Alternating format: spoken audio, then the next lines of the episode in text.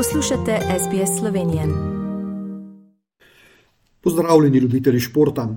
Sodeč po intenzivnem zimsko-športnem dogajanju v zadnjih dneh, spremljamo enega od vrhuncev sezone zimskih športov in na naše veliko veselje pri tem niso izostali uspehi slovenskih športnikov.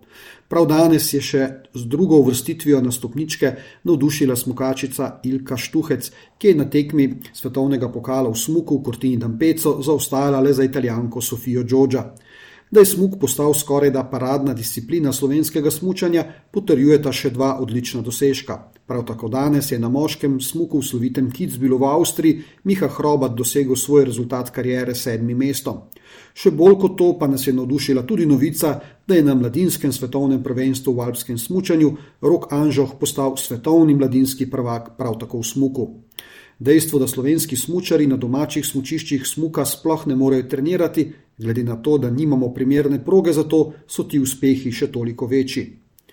Znova nas je v pr svoji prvi sezoni v vlogi biatlonke navdušila Ana Marija Lampič, ki je na tekmi svetovnega pokala v Antholcu v šprinterski preizkušnji osvojila peto mesto, kar je že njena druga uvrstitev na peto mesto v tej sezoni. Še boljši je bil v Rupoldingu Jakov Fak, ki je na 20-kilometrski preizkušnji osvojil odlično tretje mesto ter zadev vseh 20 tarč, ter po dveletnem premoru znova stopil na stopničke za zmagovalce. Smučarski skakalec Anžela Nišek je letos prvo ime reprezentance v smučarskih skokih. Novoletno turnejo je na koncu zaključil na skupnem tretjem mestu, kar je doslej uspelo le trem slovenskim skakalcem: Primožu Petrki, Petru Prevcu in Petru Žonti. Lanišek je odličen četrti na posamični tekmi v polskih zakopanih in danes šesti na prvi tekmi japonske skakalne turneje v Saporu. Na japonskem je bil tik za njim na sedmem mestu Timi Zajc. Lanišek še naprej drži odlično tretje mesto v skupnem seštevku svetovnega pokala. Svetovno prvenstvo, ki ga skupaj gostita Poljska in Slovenija, v rokometu z veliko pozornosti spremljamo tudi v Sloveniji. Slovenska rokometna reprezentanca se na prvenstvo preko kvalifikacij sploh ni uvrstila, je pa vseeno dobila posebno povabilo Svetovne rokometne zveze. Da je bilo povabilo upravičeno, so naši že pokazali, saj so skupinski del končali na drugem mestu zmagama proti Saudski Arabiji in domači polski reprezentanci, s tremi goli razlike pa so nas ugnali olimpijski prvaki francozi.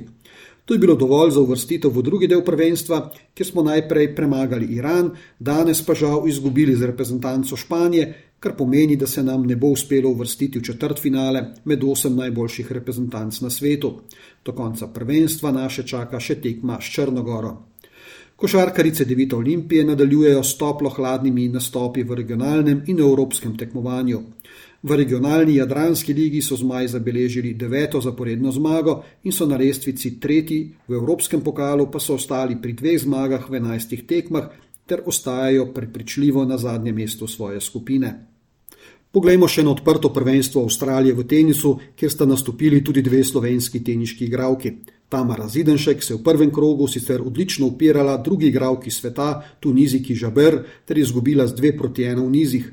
Uspešnejša je bila Kaja Juvan, ki je v prvem krogu premagala francozinjo Janičevič, v drugem pa je bila brez možnosti proti kazahstanki Ribakini. To je bil pregled športnega dogajanja v minulih 14 dneh. Za vas sem ga tudi tokrat pripravil Tomaš Ambrožič, ki vas prav lepo pozdravljam. Všečkaj, deli, komentiraj. Spremljaj SBS Slovenijo na Facebooku.